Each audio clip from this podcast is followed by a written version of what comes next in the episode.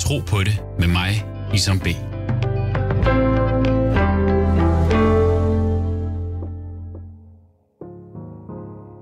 Mit navn er Isom. Jeg er mange ting. Ægtemand, bror, ven, far, og på et tidspunkt har været en ud af de fem danskere, som har oplevet at have ondt i livet. Da jeg var igennem en psykisk nedtur, havde jeg mest af alt lyst til at lukke mig mere og mere inde. Det bedste råd, jeg fik, kom fra min mentor. Han sagde, at jeg skulle ud og være i service and love. Ud at gavne og være i godt selskab. Jeg har talt med Trine Hammershøj, som er direktør for det sociale netværk og Headspace Danmark, som hun sammen med Paul Nyrup Rasmussen har opbygget de seneste 10 år. Headspace er et gratis rådgivningstilbud til børn og unge. Her er ingen problemer for store eller små. Og du kan tale om alt fra selvværd, uddannelsestvivl og angst til destruktive tanker, præstationspres og kærestesorg. Alt foregår på de unges præmisser. Og lige præcis de unges statistik for psykisk sårbarhed har aldrig været højere. Hvad skyldes det? Hvad kan troen i forhold til psykisk sårbarhed? Og kan den spille en helende rolle? Det taler jeg med Trine Hammershøj om. Du lytter til Tro på det med Isam B.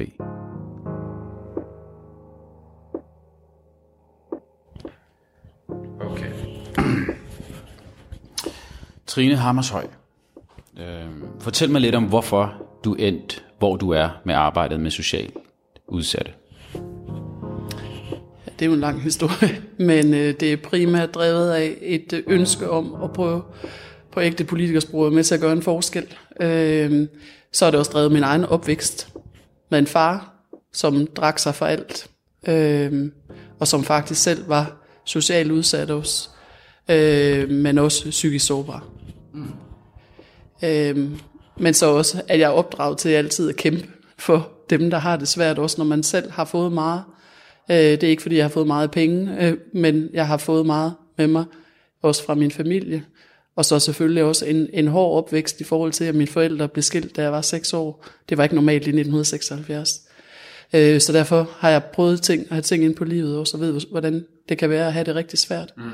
Men også, hvordan man kan rejse sig igen, ved at man har nogle gode relationer, og får noget kærlighed fra dem, der står i en nær. Mm. Um, jamen, øh, nu kom du lidt ind på din øh, opvækst. Øh, hvordan, hvordan er du selv, selv vokset op? Jamen, jeg er vokset op sammen med min mor. Min mor var som sagt enlig mor, fra jeg var 6 år. Og øh, hun var lærer, eller ja, hun var hun pensioneret. Øh, jeg kommer fra et, en lille by i, uden for Horsens, der hedder Stensbal, som øh, dengang, da jeg voksede op, næsten, der var persillejyder. Jeg var persillejyde forstået på den måde, at der var persillemarker.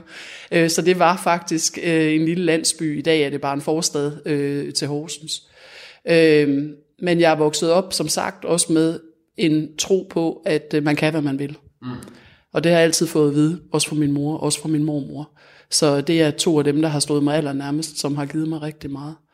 Har I gået i kirke? Jamen det har vi faktisk. Øhm, da jeg var barn, der gik vi i kirke. Ikke hver søndag, men næsten hver eneste søndag.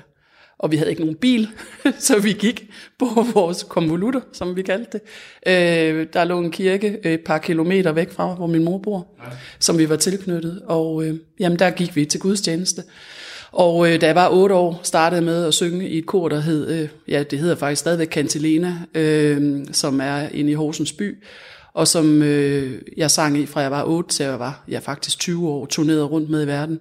Wow. Så øh, der havde jeg jo selvfølgelig fået rigtig mange øh, højmesser og begravelser og alt muligt andet, hvad vi kunne tjene penge på også, øh, fordi der fik man faktisk lidt penge for at synge i kirken også. Ja. Men, øh, men det har jo gjort, at jeg selvfølgelig har haft faktisk i de år et meget tæt forhold øh, til folkekirken. Øh, og jeg vil også sige det at have sunget i sådan et pigekor, Øh, det har været stærkt opdragende også, nu spurgte du lidt til, hvordan man, ens opvæk, eller min opvækst har været. Og det har selvfølgelig formet mig, fordi min mor havde ikke ret mange penge, så øh, når vi skulle på, hvad hedder det, turné øh, i ferierne, så var det faktisk også en del af min ferie. Mm. Det var at tage til udlandet, også at bo hos forskellige familier, når vi var i udlandet, men også at bo sammen, øh, os piger, der var med i koret. Og jeg må sige, når man har stået i de situationer med sådan et, et kor, der synger udelukkende nærmest a cappella, så ved man udmærket godt, hvornår man skal shape op. Ja. Øhm, og vi havde en dirigent, Claus Lyngby, som var fantastisk. han var også fantastisk hård og streng, men, men øh, det har simpelthen gjort, at det, vi mødes en gang imellem. Vi mødtes faktisk for et års tid siden, tror jeg det var, alle os piger, og så sang vi en hel dag, mm. nærmest uden noder, fordi alt sad på ryggraden. Mm. Og vi bliver alle sammen enige om, at det har formet os meget som mennesker, øh, at være en del af det kor, og være en del af sådan et hold. Så øh, det må jeg da indrømme, jeg kigger da også på folk i dag, der kommer, øh, og hvis de har sunget i kor, eller har arbejdet på et plejehjem, eller har gjort andre ting, når man altså, som, som også definerer folk, ikke? Altså, så er det faktisk et stort plus, øh, også når man søger job, at øh, man har noget med sig i bagagen. Men jeg kan da også kun anbefale børn og unge, som øh, også har brug for noget struktur, fordi det giver sådan et kor også øh, mulighed for at få. Ikke? Mm. Det samme, jeg har også været spejder. Altså, spejderbevægelsen kan også noget i forhold til også at skabe et fællesskab, øh, men også skabe nogle rammer og stille nogle krav. Og det er i hvert fald noget af det, jeg har lagt vægt på. Nu spørger du mig så om min tro. I det hele taget, efter jeg gik ud af, af koret, øh, så er jeg selvfølgelig stadig medlem af Folkekirken, men der skete også nogle ting for mig, der gjorde, at jeg faktisk i dag ikke er medlem af Folkekirken. Og øh, det var, Hvad skete der? Jamen, det var blandt andet, at øh, øh, ja, det lyder helt vildt, men øh, det var, jeg hørte overhørt på et tidspunkt i radioen, at der var et, et, et, øh, sovn, der blev interviewet om, hvorfor de skulle bruge flere millioner kroner øh, af folkekirkens penge på at ombygge et køkken. Og så sagde de, at det var fordi, øh, hvad hedder det, menighedsrådet skulle have, øh, hvad hedder det, middag nogle gange om året, og så skulle koret også have nogle faciliteter. Og der tænkte jeg jo, da jeg sang i kirkekor i 12 år, der havde vi sådan en temaskine, var jeg lige ved at sige, en vandkoger, som man åbnede ind til et lille skab, og det var det. Mm. Og det var så samtidig med, at øh, der også var en række præster, øh, som jeg ikke vil nævne navn på, men som så meget sort på tilværelsen og på Danmark. Øh, og dem kunne jeg simpelthen slet ikke forenes med. Øh, og samtidig havde min mor også en, en svær tid i det menighedsråd, og jeg synes bare efterhånden, nu, nu er det nok. Mm. Men jeg vil også sige, at jeg vil fortryde, fordi i, i de år her, jeg har selv to børn, der nu er 16 og 18 år, da de blev konfirmeret, der må jeg indrømme, der genoplevede jeg lidt, hvad det er, folkekirken kan, øh, under deres konfirmationsforberedelse. Øhm, og samtidig kører vi også et stort projekt her i et socialt netværk, som vi kalder Mind You, hvor unge med en psykisk sårbarhed tager ud i konfirmationsforberedelsestiden, hvor der er et rum.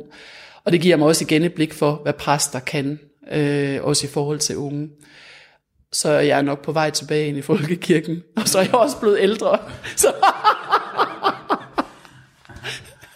Jamen, øhm, altså det med at synge, det ved jeg, at øh, er et kæmpe værktøj i forhold til at rydde op indeni øh, og få det ud. Altså det er jo, vi har jo alle sammen en stemme.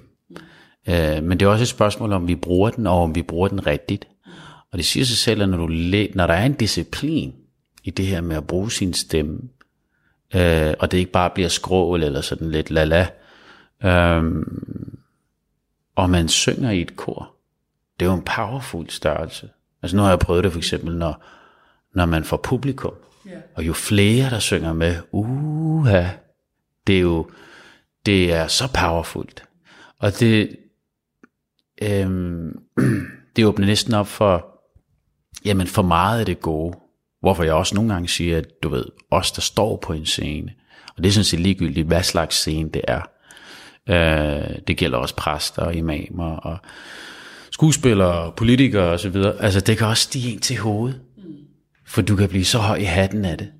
Øh, så det både går ind og, og renser dig, men det kan også, altså hvis du ikke forstår at lande bagefter, ikke? Altså, men så det der med, at jamen at der ikke var et køkken til flere tusind kroner, men man bare kom for at synge. Og jeg tænker, man har sunget sange, men, som er åndelige sange, religiøse sange. Ja, selvfølgelig. Man har sunget altså, ja, ja, hele salmebogen selvfølgelig, ja. ikke? Øh, men også, også store værker. Øh, alt fra Buxtehude til alle mulige store værker. Det giver jo også, øh, at man som ung også får et forhold til ja, kunstnere fra Mozart til ja, ja, alle mulige andre, som man øh, skal forsøge at fortolke øh, mm. På en måde, altså hvor man og er et hold, der gør det. Mm. Jeg kan godt se, hvad du siger, men nu er du jo så også en formidabel kunstner selv, ikke? Men det her med at synge i et kor, hvor man ligesom er en del af et hold, som skal få noget kunst, eller hvad skal man sige, noget, der er til at holde ud og høre på, også for tilhørende. Øhm, Mest for sig selv egentlig. Ja, det jeg tænker, det er, derfor, det er jo derfor, hvor, hvor, hvor tit øde I? En gang om ugen, eller? ja, mindst en gang om ugen, ikke? Øh, nogle, gange, nogle gange to. Men det er For man kommer også. Altså, du har jo fået, du har fået noget ud af det, og det har styrket din tro, tænker jeg. Altså, Men det tænker jeg også, og jeg tænker jo også heldigvis, når man kigger ud over landet, at der er rigtig mange, som mødes en gang om ugen, bare for at synge. Mm. Og som du siger, ikke nødvendigvis måske for at holde store koncerter, mm. men også bare for at mm. synge sammen. Øh, og jeg tror jo, det er noget af det, man godt kunne dyrke endnu mere, fordi når man synger sammen, så er man nødt til at lægge telefonerne væk, ikke? Man er nødt til at, man kan ikke sidde og kigge på sin, øh, hvad hedder det, PC'er, eller sin, øh, hvad hedder det, iPad, eller noget andet. Man er nødt til at være til stede i nuet, for ellers så lyder det jo også pivfalsk i løbet af kort tid, hvis man ikke koncentrerer sig. Nej, præcis. Og det er ikke sjovt, det har jeg prøvet. øh, hvad hedder det, øh, der var jo en, en arabisk øh, psykolog øh, tilbage i det 9. århundrede, som faktisk snakkede om psykisk sårbarhed. Okay. Ja, han hed, øh, gik under navnet Abu Zaid. Okay, det var jeg ikke klar over. Nej, øh, men allerede dengang havde man øjnene op for, øh, for psykisk sårbarhed, depression, angst osv. Og nogle ting, som jeg, jeg læste, og jeg blev mærke i, som jeg synes var interessant, var det her med stemme.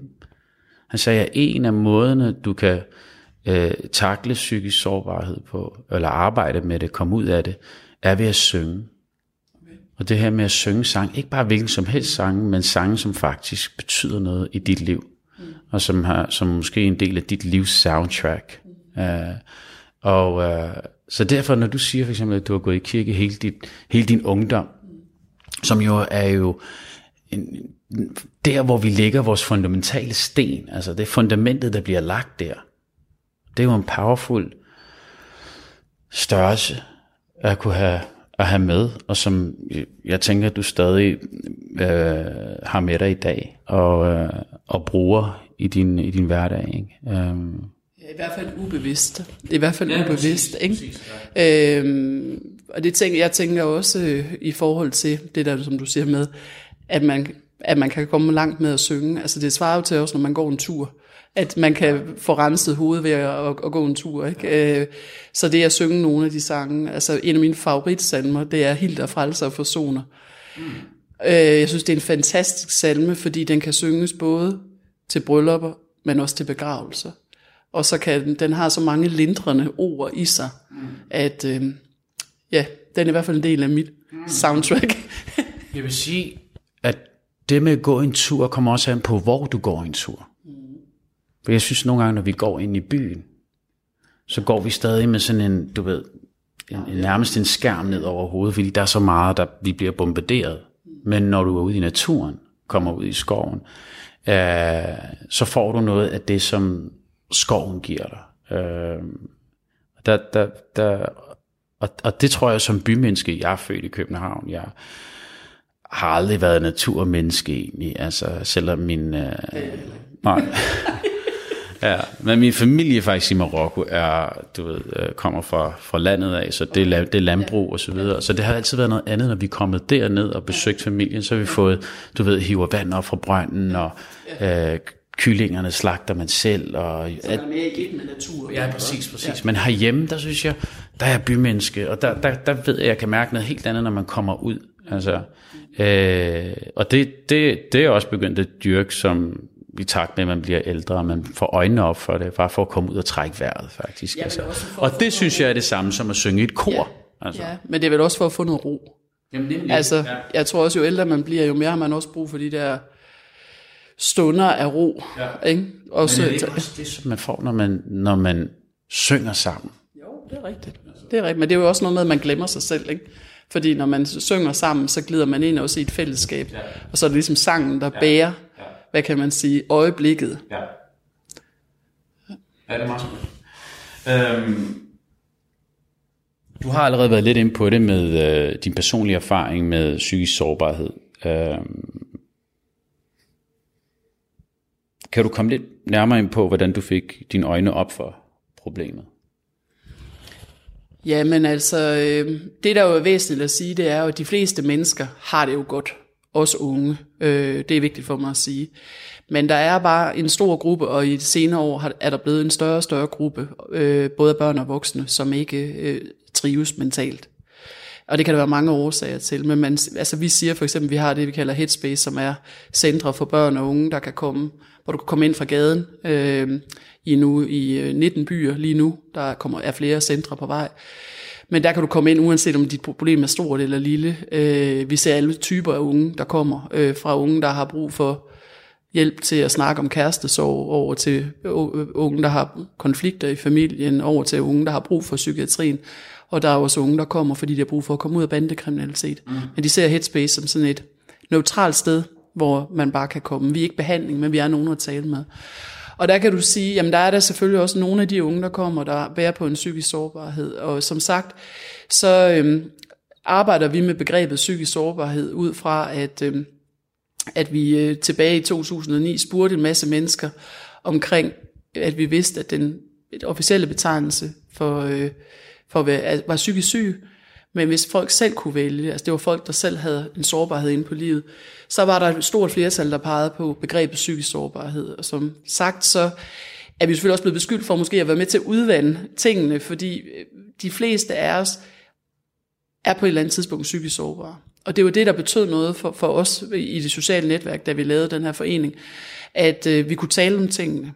Og det er lettere nogle gange at tale om, at man har en psykisk sårbarhed, end at man har for eksempel en mm. øh, diagnose skizofren paranoid. Mm. Øh, og vi synes, og det er der mange, der siger også, at det er blevet lettere at tale om. Det er stadigvæk tabubelagt øh, at have en psykisk sårbarhed, men det er blevet lettere. Nu holdt vi så sent som øh, i går holdt vi en stor konference omkring, øh, hvad hedder det, unge og krop, kost og motion og spiseforstyrrelser og selvskade på Christiansborg, hvor der var flere unge. Det var befriende, at der var mange unge til stede, og der var også en ung, der stillede sig op og fortalte nogle ting. Mm. Og hvor der var flere også i salen, der bemærkede, at det var fantastisk flot, at vedkommende turde tage ordet, men også, at vi er kommet et stykke bare ved det, at man nu også i sådan et stort offentligt rum tør tale om de her mm. ting. Øh, og det er jo det, der er væsentligt, og derfor lytter jeg også med interesse, når du nu omtaler den her profet fra det 9. Øh, øh, eller fra, han var ikke en profet, han, han var bare psykolog. Han var bare psykolog, men når man netop, fordi vi har, vi har tidligere arbejdet med øh, at prøve at forklare begrebet øh, psykisk sårbarhed på arabisk. Og det fik, fik vi faktisk at vide, at det var rigtig svært at oversætte, fordi man ikke rigtig kendte det begreb på arabisk. Mm. Altså vi skulle ud i nogle andre, hvad kan man sige, omformuleringer. Mm. Ikke? Øh, men det er jo bare vigtigt for mig at sige, på alle, alle sprog har man brug for at kunne tale om nogle ting, også de her ting. Ikke? Øh, men vi lever i sådan en perfekthedssamfund, ikke? og en perfekthedskultur, hvor, øh, hvor der er brug for at have nogle begreber, og det er jo så psykisk sårbarhed, ikke? Mm. Øh, vi, så, vi så arbejder meget med. Og det er jo i forhold til, jamen det er cirka Øh, 20 procent af alle børn og unge har en sårbarhed inde på livet, eller har brug for i hvert fald ekstra hjælp til at tale med nogen. Øh, man siger jo cirka, at hver anden familie kommer på et tidspunkt i kontakt med det psykiatriske system. Og øh, øh, World Economic Forum, det er jo nået så langt nu også, at de her på det seneste møde Davos, er begyndt at se på os, også unges, børn og unges mentale trivsel. Der er vi jo selvfølgelig glade for, at Headspace er blevet fremhævet også. Men, øh, men, men det handler også ligesom i høj grad om, at de siger at cirka 85 procent af jordens befolkning er påvirket af psykisk sygdom. Mm. Det er jo ikke sådan, at de alle sammen er psykisk syge eller psykisk sårbare, men øh, det påvirker hverdagen. Og det gør jo simpelthen, at de også nu begynder at trække nødbremsen og siger, at vi er nødt til at se på, hvordan er det, vi har lavet indrettet vores verden. Og det er ikke kun den vestlige kultur, ah, det er simpelthen ja. verden rundt. Har du en idé om, hvad nogle af årsagerne bag den psykiske sårbarhed og øh, socialt udsatte, vi ser i Danmark. Øh, hvor kommer det fra? Ja, altså det er jo et virkelig, virkelig godt spørgsmål. Altså det vi kan se i dag, det er jo i modsætning til tidligere, så troede man jo, at jamen, socialt udsatte er primært mennesker, der ikke har noget som helst. Og det, der er selvfølgelig også desværre socialt udsatte i Danmark, der ikke har nogen boliger, der ikke øh, kommer måske fra en god opvækst, men vi ser lige så meget nu socialt udsatte og unge mennesker, der knækker, som kommer fra ganske såkaldt almindelige hjem. Øh, og mange af de unge, for eksempel, der kommer i Headspace, jamen altså, de siger jo forskellige ting om, hvorfor de ikke trives. Og det jo, kan jo være lige fra brudte familierelationer, altså skilsmisser. Ikke? Mm. Øh, cirka hver anden ung, der kommer i Headspace, øh, siger på et tidspunkt, at når vedkommende er hos os, at deres film er knækket, da deres forældre blev skilt. Mm. Øh, men, men der kan være mange andre årsager til, at man ikke trives. Altså, vi ser også rigtig mange, øh, nu taler jeg typisk om unge, ikke? Men, men unge, der er blevet mobbet. Øh, det er jo mange af dem, som det så vi også på den her konference i går, at mange af de unge, som er blevet mobbet, det er også unge, som måske har spiseforstyrrelser eller skader sig selv. Mm. Altså, så, så vi jo, der er så mange ting, vi kunne tage fat i, ikke? Øh, men vi kunne starte med, og det er det, vi prøver at gøre, at spørge de unge selv. Mm. Fordi vi har stor respekt også for eksperter og alt sådan noget, men der har været en tendens til måske indtil nu, at vi voksne også, vi er ligesom, vi ved, hvad der skal til, og vi har forsket, og derfor kan vi sige, at, men der tager vi jo fejl, fordi hver eneste menneske er jo forskelligt, og kan have brug for forskellige ting. Og mange gange er det jo måske bare det at tale sammen, og tale med nogen. Mm. Og, altså apropos, nu snakker vi med sang før, men det at få luft. Altså vi oplever jo mange unge, der kommer i Headspace, som siger, at det er første gang, at der er nogen, der har spurgt, hvordan jeg har det, mm. og hvad jeg gerne vil.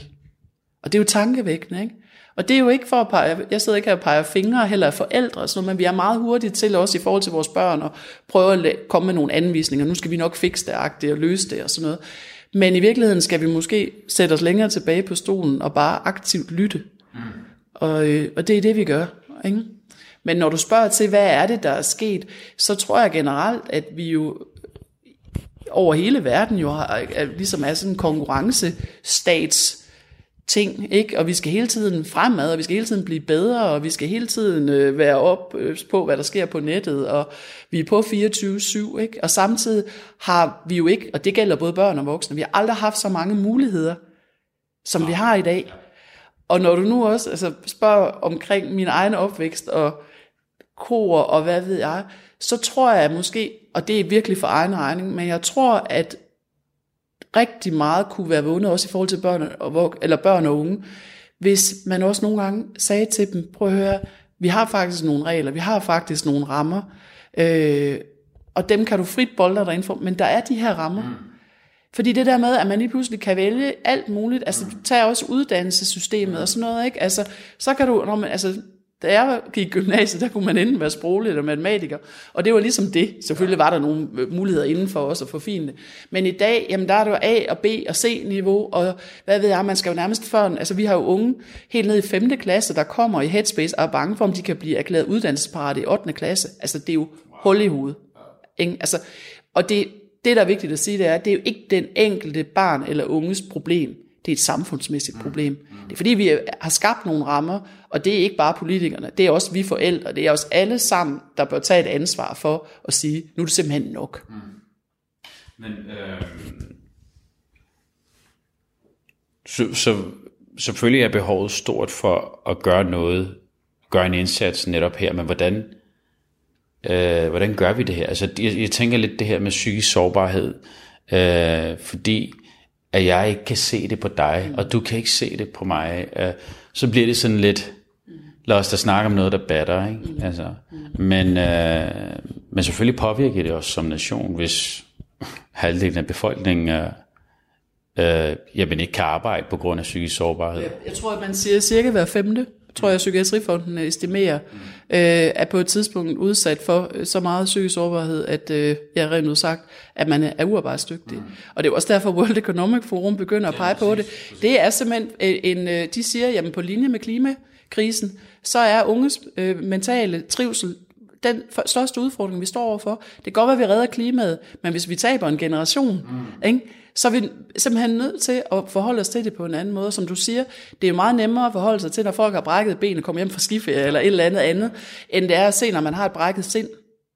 Men noget af det, altså man kan gøre, det er jo som sagt helt i de nære relationer også, at vi som forældre også sætter os lidt tilbage, lytter til, hvad vores børn egentlig fortæller os. Måske lægger iPad'en eller telefonen fra os og bare til stede. Ikke? Øhm, det samme. Vi ser jo, og hører jo også om unge, som har gået til deres lærer eller noget, og hvor læreren jo måske også har spurgt ind til, hvordan har du det egentlig? Men hvis der ikke så bliver reageret på det, så bliver den unge jo dobbelt frustreret, ikke? fordi nu har man faktisk åbnet sig og fortalt nogle ting. Det kan være til en lærer, eller det kan være til en sportstræner, eller noget andet. Så jeg tror, det handler også om, at, altså faktisk tror jeg, at rigtig meget ansvar, det ligger faktisk på os, os voksne. Vi, vi har haft en tid, hvor vi har lagt meget ansvar ud på den enkelte, og nu skulle den enkelte unge performe og hurtigt igennem uddannelser, og hvad ved jeg. Måske er det tid til også, at vi, får, at vi lægger ansvaret tilbage der, hvor det hører til os, også til de voksne. Mm. Ikke? At vi også ligesom stopper op og lytter, og er til stede. Øh, fordi så tror jeg faktisk også, man vil få øje på det der brækkede sind, og ikke kun de brækkede ja, ben. Ikke? Ja. Ikke? Og så også, at vi tør indrømme over for hinanden, at alting ikke er perfekt. Altså nu får vi i gang fortalt, at jeg lige er blevet skilt, og det er der slået benene totalt væk under mig, efter 30 år sammen med den samme mand, ikke at leve sammen mere. Altså, øh, og det bliver jeg nødt til nogle gange at fortælle, fordi så kan folk ikke forstå, hvorfor jeg plejer bare at køre derud af. Øh, og det kan jeg ikke mere på samme måde lige nu. Øh, så, og der er der også folk, der siger, gud, hvor er det dejligt, du fortæller det. Ikke? Øh, mange vil bare sige, men det går da meget godt. Ikke? Og det er jo ikke, fordi man skal dvæle ved det hele tiden, men man er meget nødt til også at sige, når det ikke går godt. Og det handler jo også om, hvis man mister et familiemedlem eller noget andet, at man er mere åben omkring det. Ikke? Fordi jo mere åbne vi hver især er omkring ting, der er svært, jo nemmere er det altså også for børn og unge at være åbne. Men hvis de konstant slår op på et Instagram-billede, øh, hvor alt ser lyserødt ud, og mor har lige bagt boller, og far har lige løbet et maraton, og øh, øh, øh, øh, søster har lige fået 12, ikke? så er der jo ikke meget plads til, at den unge sidder og føler sig faktisk lidt forkert, ikke? Og hvem skal vedkommende tale med? Ikke? For det glansbillede, der er lagt ud, måske også af familien, ikke? det er jo et glansbillede. Ikke? Og det er, jo, det er jo også fordi, at vi også som forældre har fået pålagt et større ansvar, også for vores børns ved og vel. Altså, da jeg var barn, der var der jo uddannelsesvejledere til alle, sådan erindrede jeg det i hvert fald. I dag, der er der jo kun uddannelsesvejledere til de unge, som måske har det rigtig svært. Ikke?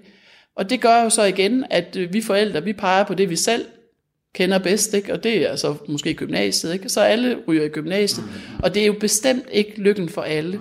Og jeg tror da også, det måske er derfor, at vi også ser de her generationer af unge, hvor nogen måske skulle have valgt anderledes. Og derfor hilser jeg det i hvert fald også velkommen, at politikerne nu også er vågnet op og kan se, det er faktisk i orden og fejl. Altså, da jeg var ung, der kunne man tage, jeg ved ikke hvor mange uddannelser, før man fandt den rigtige. Man kunne i hvert fald springe lidt rundt og erkende, at man også havde brug for lige at se sig omkring. Det har man jo ikke kunnet i en hel del år. Der har man haft såkaldt uddannelsesluft. Det har de afskaffet nu heldigvis. Ikke? De har også afskaffet den her quotient, som man har kunne gange sit gennemsnit med, for at kunne komme hurtigere i gang øh, og komme ind på en øh, hvad hedder, videregående uddannelse. Mm. Og det er der med til at tage lidt af presset af, men vi skal endnu længere du lytter til Tro på det med mig, Isam B. Jeg tror på, at meningen med livet er at handle smukt. Uanset øh, hvordan og hvorledes situationen ser ud. Det er jo det, der er øh, kunsten. Øh, og det er selvfølgelig en endnu større kunst, når du sidder i suppedagen. Når Gud siger i Koranen, øh, han har skabt li- øh, døden og livet, for at se, hvordan vi handler smukt for at vi kan handle smukt, faktisk. Mm. Um, og den, øh, det vers har altid fascineret mig, fordi så enkelt beskriver det livet og meningen med livet. Mm. Uh, men også det, at døden også er en skabelse. Det er så et kapitel for sig selv, det er et andet radioprogram. Men uh, det skæbne bestemte, at du kommer ud for nogle ting, um, i dit liv, som du ikke er herre over, øh, er inden for fire emner. Der er økonomi, der er helbred, der er relationer, og så er der tro. Øhm, relationer er også kærlighed. Relationer er sandelig også kærlighed. Ja. Øhm, men det her med, værsgo og handle smukt, og du vil blive kastet ud for alt muligt. Og det var det, alle profeterne Guds fred være med dem alle, gik igennem. Og, og vi tror på, jeg tror på, at det ligesom var fyrtårne øh, for, hvordan du kan handle i de her situationer. Også når det ser virkelig skidt ud. Mm. Øhm, og så spørgsmål. Det er svært at efterleve. Jamen, det er svært at efterleve. Der er ingen, der er ingen, vi er ikke engle, vi er mennesker, og vi fejler.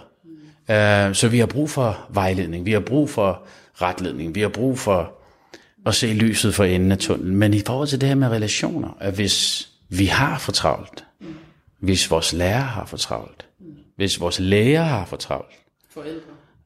hvis vores forældre har for travlt, ikke? Um, hvad det gør ved os.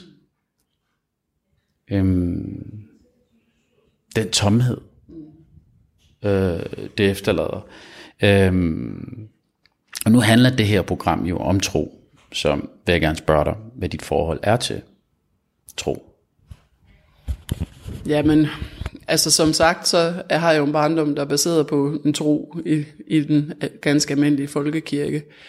Men jeg vil sige, at i dag synes jeg måske med det, jeg har oplevet, jeg godtager, hvad du siger omkring, at man skal gøre ting, der er smukke og hvad ved jeg, men det er også en hård pille og sluge, hvis man kan sige det, at ens skæbne er mere eller mindre forudbestemt. Men jeg må da sige, at jeg vil faktisk godt gå med ned en, en stor del af den vej i forhold til også ting, jeg har oplevet gennem tiderne, hvor jeg kunne mærke, at lige der, lige den dag, der skete der noget afgørende, som vil bestemme ting. Altså lige fra at møde, ja, nu min eksmand for 30 år siden, i går, øh, til øh, ja, møde, øh, hvad hedder det, Paul, mm-hmm.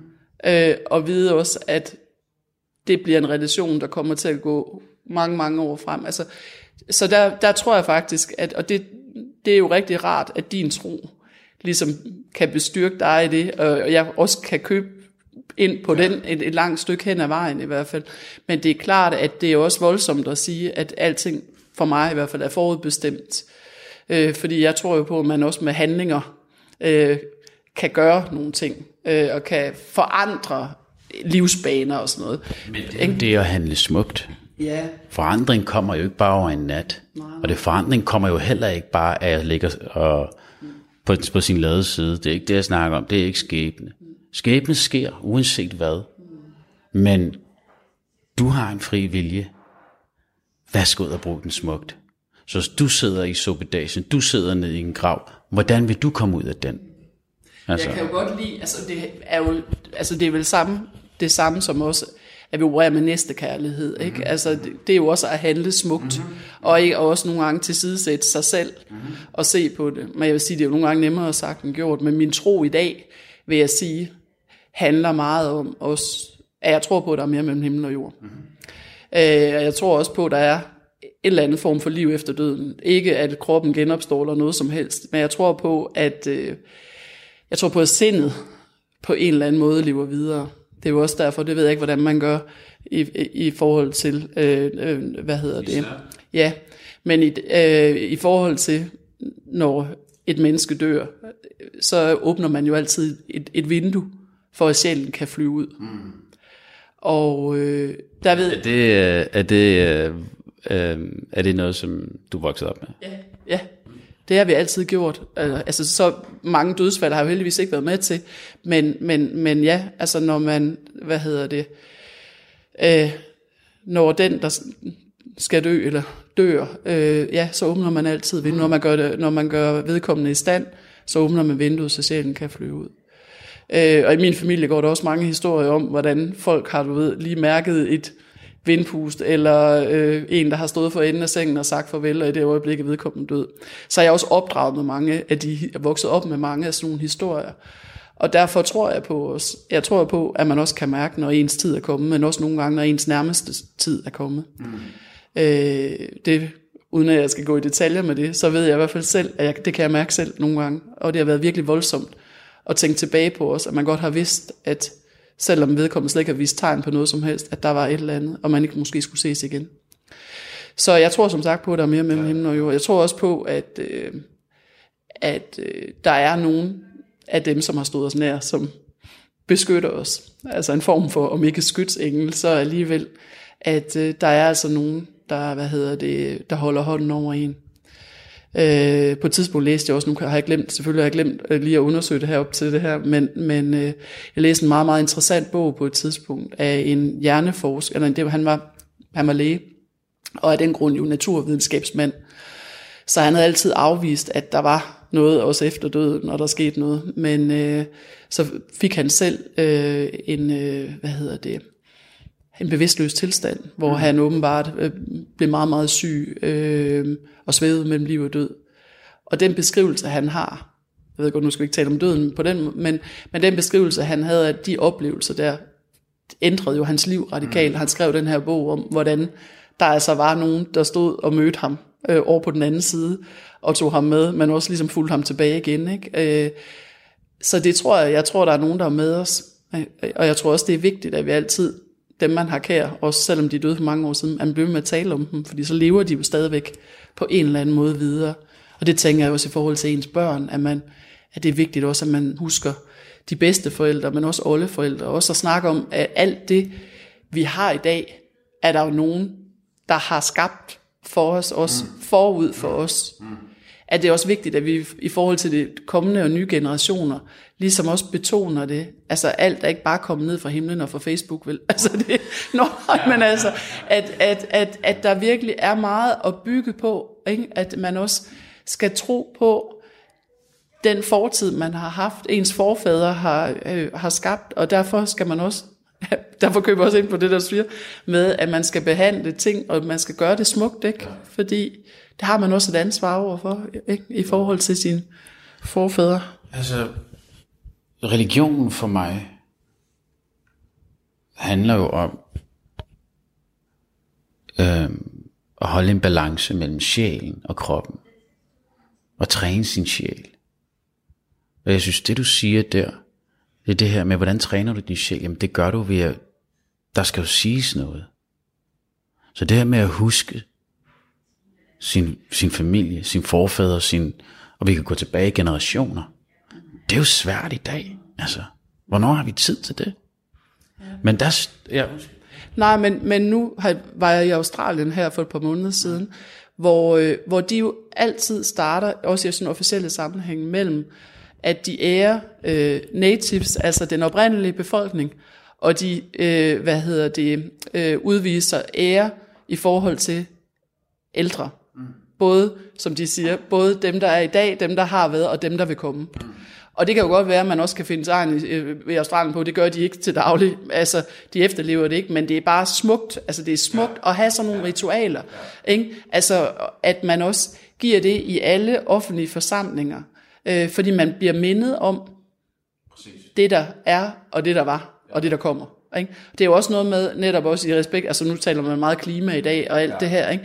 man må sætte tingene ind i nogle perspektiver, også for unge mennesker, eller for børn og unge, ja. ikke? At, det, at, at det er vigtigt, at vi også giver tingene videre, men ja. altså også husker der, hvor vi kommer fra. Ja. Jeg tror, det handler meget om at i talsætte. Og igen det her med stemme, men vi kan synge med stemme, men vi kan også bare i talsætte. Altså det her med at tale om min oldefar, Præcis. og, ja. og ønske ham fred. Altså vi, som muslim tror jeg på, at sjælen rejser videre, når vi dør. Og, og så kan du egentlig ikke, altså så er du nærmest på, jamen, hvis jeg skal, skal forklare det, så er det sådan lidt, det er ligesom det her samlebånd, der går videre. Mm. Og øh, det der med at handle smukt, jamen det kan du faktisk kun her i det her liv. Øhm, så for de døde, jamen der kan vi handle smukt ved at mindes dem og ønske dem det bedste. Øh, det får vi noget ud af rent, altså sådan sjælefoder, øh, og de kan få noget ud af det. Det værste, vi kan gøre for dem, det er faktisk at glemme dem. Ja, det er enig. Det er enig. Man er, nødt, man er nødt til at blive ved med at snakke. Man er også nødt til at, at, at mindes. Og det er jo også det, der så er alvorligt i dag, hvor så mange mennesker, altså hvor der er brudte familier. Fordi for hver brudt familie er der jo ikke, det er jo ikke bare, jeg taler også om egen bitter erfaring, det er jo ikke bare det, at man går fra hinanden. Det er jo også alle de minder, man har sammen. Altså også om det, der var, og familiemedlemmer, der var. Øh, og det, der har man jo så hver især også et ansvar for at blive ved med at tale. Altså, jeg husker jo meget tydeligt min, min ja, nu eks-svigermor, som var rigtig meget for mine børn. Og noget af det sidste, hun sagde til mig, inden hun døde, det var, vil du ikke godt blive ved med at fortælle både mm. dine børn, men også de små børnebørn, altså dem, som, hvad kan man sige, kun lige var næsten født om mig. Og jeg ville så gerne have set dem vokse op. Ikke?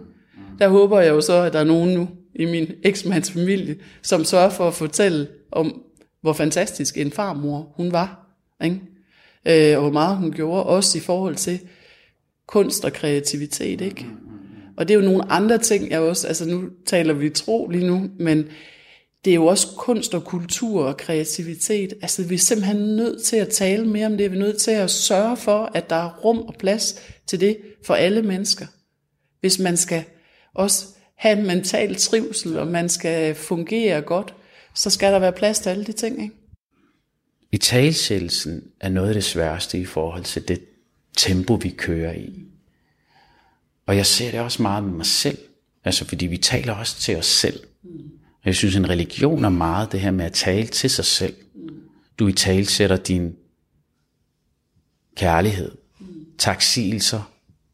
Øhm, øh, for eksempel en ting, som profeten Mohammed, Guds fred være med om, havde, og som vi følger i hans fodspor.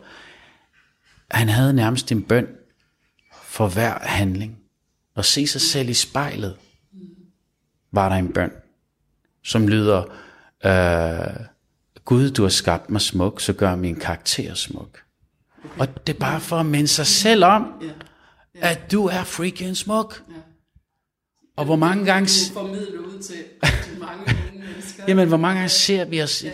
os selv i spejlet? Ja. Fordi når vi er ude på gadeplan, når vi er derude, så, er der, så bliver vi bombarderet med alle de der ting, der er derude. Ikke? Altså, og de har alle sammen sixpacks, og de, ser, de har alle sammen en større bil, end du har. De har alle sammen bedre hus, end du har. De har, er der noget, der bare minder dig om, at, at du er grim? Jamen, så er det det.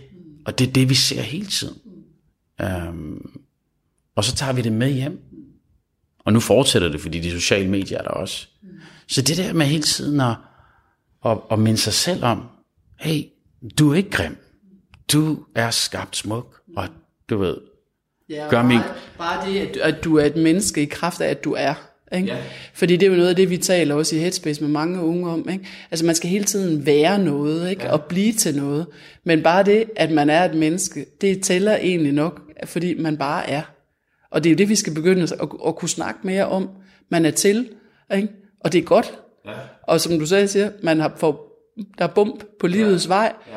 Men, men øh, som Karen Bliksen svarer engang, det, jeg elsker faktisk øh, den historie, hvor Karen Bliksens øh, far øh, giver hende skrin, tror jeg det var, og hvor han, øh, hvad hedder det, siger til hende, at det her skrin, det må hun kun åbne på den yderste dag, altså hvor hun virkelig er i krise. Og man tænker jo, at der ligger en million kroner nede i det skrin. Men da hun åbner det, sådan som jeg husker historien, så ligger der en seddel, hvor der står, This too will pass. Mm. Og det er jo igen den der i talesættelse af, ja, det kan godt være, at du står nede på livets bund lige nu, men det vil altså gå over mm. på et tidspunkt. Mm. Også det vil gå over. Mm. Ikke? Og ved du hvad, det er faktisk rigtig godt. Ja, ja. Ja, det bruger jeg lige for øjeblikket ret tit at, øh, at tænke på. Ikke? Øh, men igen, ja, vi er nødt til at talesætte ting, vi er nødt til at snakke om tingene, og vi er nødt til at øh, erkende også, at sprog har en kæmpe stor betydning, og det har den jo også for troen, ikke? Altså, det, det har den også for, nu, nu er det ikke fordi, jeg skal sidde og, men det har den også for folkekirken, ikke? Altså, troen er jo også i, i, i, i, i, i kirkelig sammenhæng blevet brugt også til at trykke mennesker igennem tiden, men den er også blevet brugt til at skabe noget, der er allermest smukke, ikke? Mm. Øh, men igen, altså, ja, men, men øh, kan troen spille en rolle i healingen efter en øh, psykisk sygdom? Nu snakker vi om i talsættelsen. Altså jeg mener, religion er jo en italesættelse mm. øh, af, af det indre. Øh, det her med læren om at sige tak. Mm. Og, og værdsætte de små ting. Og, Men jeg tror jo også, at tro, nu spørger du om, jeg skal jo ikke det skal jeg ikke gøre mig til dom om, for det ved jeg jo ikke, om det kan, altså det kan jo nok lindre, men jeg tror noget af det tro kan, i forhold til en hvilken som helst sygdom, det er at skabe håb. Mm. Altså det kan vi i hvert fald også se, hvor vigtigt det er for øh, mennesker, der har en altså, psykisk sårbarhed eller en psykisk sygdom, så er det håbet. Mm. Man er nødt til at bevare håbet, og derfor er det jo vigtigt, at der er mennesker også rundt omkring den, der er syg, og det gælder også fysiske sygdomme, der kan bære håbet. Ikke? Hvis du først mister håbet og troen på, at det nok skal gå, så er du færdig. Så derfor øh, tror jeg, at, at troen i sig selv er, er bærer et håb, og, og derfor kan man overvinde ting også. Ikke? Øh, så spørgsmålet er, hvordan man i tale sætter det. Ikke? Altså det, det, det er jo der, hvor jeg ryger ind i religionen og siger, at du ved, øh, at der er nogle bønder der, man kan bruge, chante, øh, som er med til, som er en reminder, som er en måde at minde sig selv om, hey, der er håb, du er smuk, du ved, hold hovedet op. Um, Men der tror jeg bare, ligesom, at, at, at, hvad hedder det, at lige så vel som der er så tusind millioner af mennesker, så er der også tusindvis af forskellige måder. Og, og ikke, altså det, det kan være, at det virker for nogen, og nogen kan bruge det, og, og andre kan ikke bruge troen. Altså føler jo nærmest, at troen, at de måske er blevet slået i hovedet med deres tro. Ikke? Ja. Øhm, så, så jeg synes, det er svært, men det er jo, altså for den enkelte, tror jeg, at det kan være et håb, øh, og, og at man kan bruge det. Ikke? Men det er bare meget individuelt. Ja, ikke? Radio 4 taler med Danmark. Altså i det her program, så prøver jeg at se, hvad de forskellige religioner har til fælles. Mm. Øhm, se fra dit synspunkt. Er der noget fælles at finde i måden, vi tager os af hinanden på? Ja, nu kender jeg jo ikke alle religioner til bunds, vel? Men, Ud fra din erfaring, ja. nu snakker du også om, ja. at I har haft med araber at gøre. ja. Men så vil jeg sige, så vil jeg sige, netop det der med håbet. En hver, altså jeg tror, at det der lindrer allermest ved, øh, Øh, ved de forskellige religioner, det er håbet. Mm. Og det er, når man tror på noget, så er der et håb. Øh, det kan jo komme til udtryk mange forskellige, øh, hvad hedder det, former. Men også, at man også i forskellige religioner øh, åbner for netop, at der er mere mellem himmel og jord, og at der er et liv efter døden i en eller anden form. For det har man, mange mennesker brug for. Altså, mange mennesker har brug for at vide, at det ikke bare er slut. Ikke? Øh, den dag, hvor jeg klapper mine øjne i. Ikke? Øh, men jeg tror godt, altså, jeg tror, vi kunne blive endnu bedre til at vise, hvad det er, der forener, frem for hvad det er, der adskiller øh, de forskellige trosretninger også. Og der synes jeg jo, hvis jeg skal sige noget, som jeg synes kunne være rigtig interessant her i Danmark, også ud fra det arbejde, vi nu laver i Headspace og det sociale netværk, så ser vi jo, når vi øh, for eksempel snakker med øh, folk i Storbritannien eller andre lande, jo en meget, meget større samarbejde mellem de forskellige trosretninger, for eksempel omkring også børn og unge. Altså hvordan, hvordan man øh, fra det muslimske til det jødiske til det øh, protestantiske samfund mødes lokalt. Og det er ikke bare charity, men også og laver ting, øh, som, som hjælper mm. os børn og unge, eller hjælper, øh, hvad hedder det, ja, borgere, der har brug for en hjælpende hånd. Det synes jeg ikke, vi er gode nok til i Danmark. Og det synes jeg godt, man kunne dyrke endnu mere. Øh, og det kunne jo faktisk være en appel, også både til imamer og til øh, rabbiner og til alle mulige præster og hvad er om at begynde at forene sig mere. Fordi det vil også være et stærkt signal at vise børn og unge. Hørt, enig. Hvordan bliver vi bedre til at forstå socialt og psykisk sårbare? Jamen jeg tror, det starter som sagt med, at man sætter sig ned og lytter. Og bare spørger noget så enkelt som, hvordan har du det egentlig? Er der noget, jeg kan hjælpe dig med? Alene i det, der øh, indbyder man til, at man gerne vil se og høre den person, man sidder overfor, som måske har en psykisk sårbarhed eller noget andet. Og så også ved at acceptere, at det er noget, vi alle sammen kan komme ud for. Øh, vi kan både blive socialt udsatte. Ikke? Jeg havde selv som sagt en far, der, der drak for meget, øh, men på overfladen var han jo en ganske almindelig borger og, og god lærer og virkelig sympatisk mand. Han glemte bare sin familie, øh, når han drak. Ikke? Øh, og, og man kan sige, altså børn, eller hvad hedder det, udsatte findes i alle samfundslag, og det er også, altså psykisk sårbarhed findes også i alle samfundslag. Så, så vi skal blive meget bedre til at acceptere, at vi har, kan, kan gå ud og ind af det også, ikke? Øh, det tidspunkt i mit liv, hvor jeg var nede i et hul, øh, der møder jeg jo ligesom en mentor, som... som Hvorfor var du nede i det hul? Jamen, jeg var nede i det hul, fordi øh, øh, øh, jeg var løbet lidt surt i... Øh, i musikken, og, øh, og, og savnede egentlig, øh, hvad skal man sige, at, at fodre, ja, og, og pleje mig selv. Altså, og der kan man nogle gange godt køre rundt i det der hamsterhjul og bare løbe endnu hurtigere, endnu hurtigere. Øh, og det eneste du gør, det er, at du graver bare dybere. Ikke? Øh, men der kan jeg huske, at han sagde det her med, jamen, det profetiske i det tidspunkt er at komme ud og lave noget service og noget love. Og service, det er at komme ud og gavne andre end dig selv. Og det er det, der er problemet med hamsterhjulet, det er, at du kun tænker på dig selv.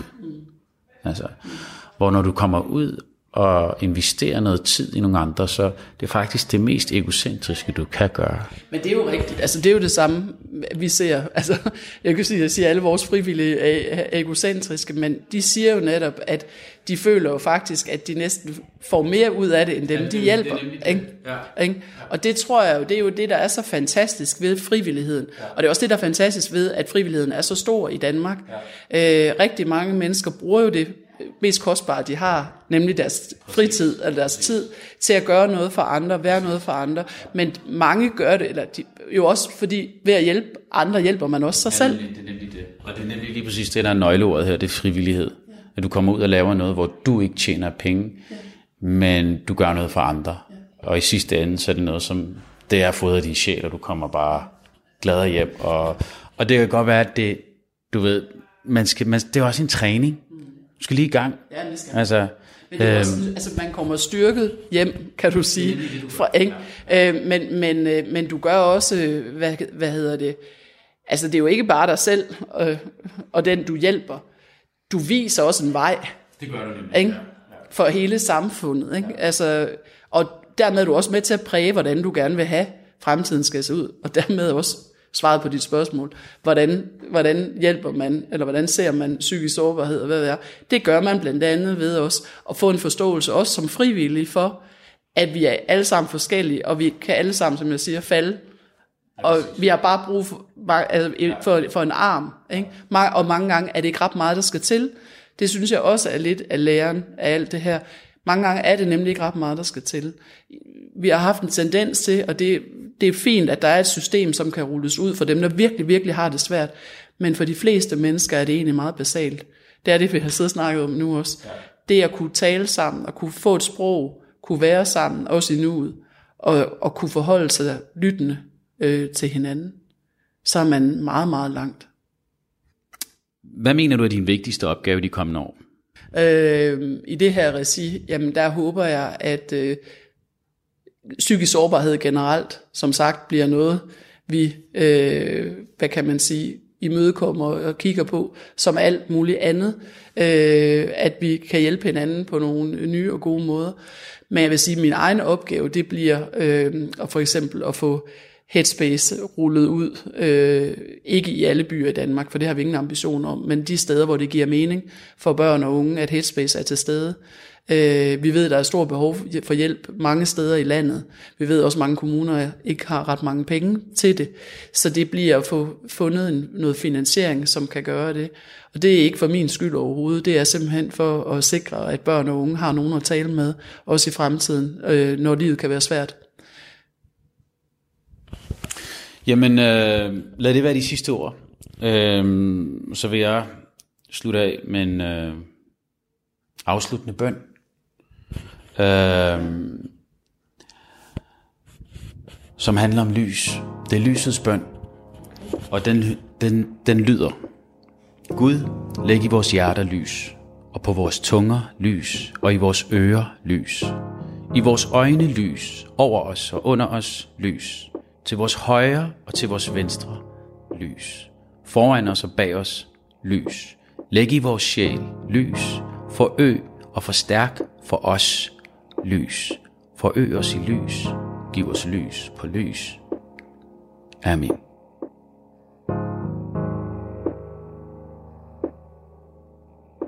Du har lyttet til Tro på det på Radio 4.